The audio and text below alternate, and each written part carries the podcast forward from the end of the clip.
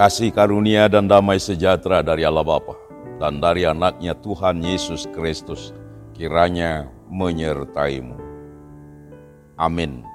Sahabat rohani, firman Tuhan hari ini bagi kita tertulis dalam kitab pengkhotbah pasal 7 ayat 2. Demikian firman Tuhan, pergi ke rumah duka lebih baik daripada pergi ke rumah pesta.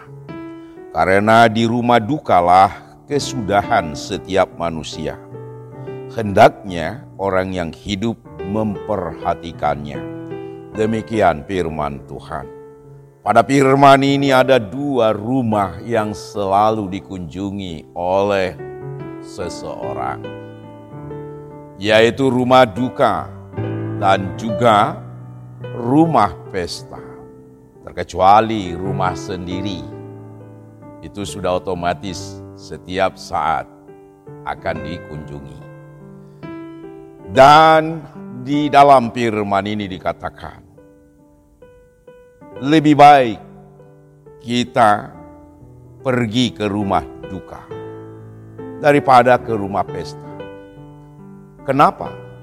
Di rumah pesta pasti kita akan makan dengan sekenyang-kenyangnya dan juga penuh sukacita.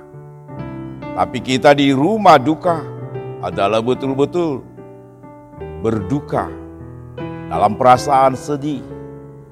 Tapi di dalam kita merasakan kesedihan, memiliki makna yang sangat dalam kehidupan kita. Maka dikatakan lebih baik pergi ke rumah duka apa kebaikannya?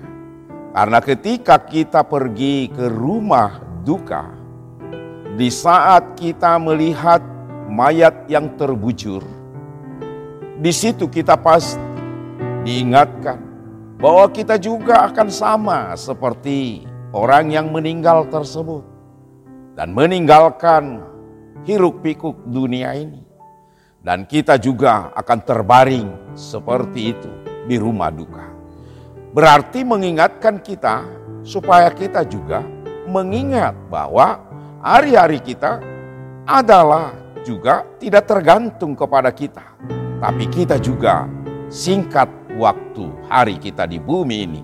Dan kita juga akan pergi meninggalkan bumi ini. Oleh karena itu apa?